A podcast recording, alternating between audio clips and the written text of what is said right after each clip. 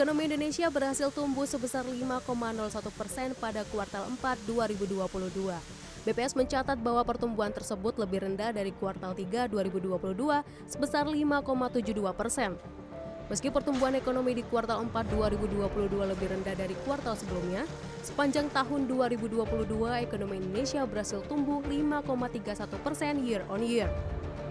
Tren pertumbuhan ekonomi tahunan masih tumbuh pada level 5 persen, walaupun melambat jika dibandingkan dengan pertumbuhan triwulan 3 tahun 2022.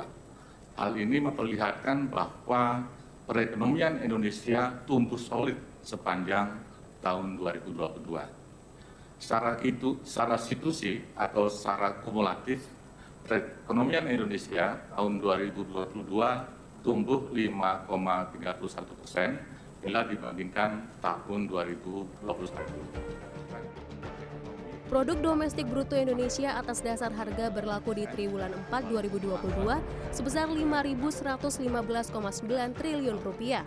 Sedangkan PDB atas harga konstan di triwulan 4 2022 sebesar 2.988,6 triliun rupiah. Jika dibandingkan dengan triwulan 3 2022, PDB atas dasar harga berlaku dan PDB atas harga konstan tumbuh 0,36 persen year on year. Data BPS mencatat semua lapangan kerja usaha mengalami pertumbuhan positif pada tahun 2022 jika dibandingkan dengan tahun 2021.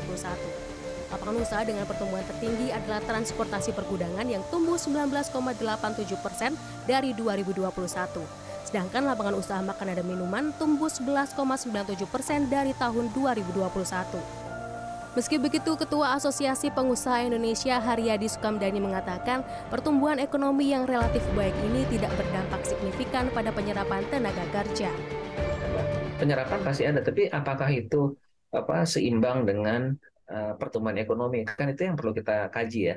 Akan kita lihat, ya harus diperhatikan. Jadi Eh, pertumbuhan ekonomi itu tidak serta merta merefleksikan bahwa penyerapan tenaga kerjanya juga apa seiring gitu ya eh, linear mengikuti itu tidak begitu. Menurut Direktur Center of Economic and Law Studies Bima Yudhistira, pertumbuhan ekonomi di 2022 didorong oleh penghentian kebijakan PPKM yang berdampak pada membaiknya mobilitas masyarakat. Namun di sisi lain, mobilitas warga yang tinggi berpotensi membuat inflasi pangan berkisar di 4,5 hingga 5 persen pada tahun 2023. Dan untuk inflasi pangan, ini sepertinya juga akan kontradiksi.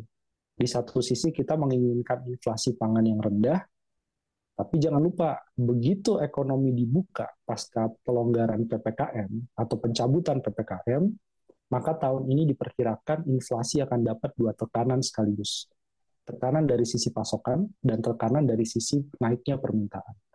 Dan ini akan menyebabkan inflasi yang masih akan bertahan di kisaran 4,5 sampai dengan 5 persen year on year di 2023.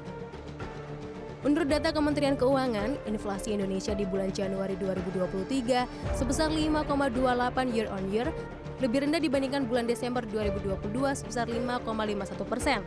Namun inflasi pangan di bulan Januari 2023 meningkat menjadi 5,71 persen year on year dibandingkan Desember 2022 sebesar 5,61 persen.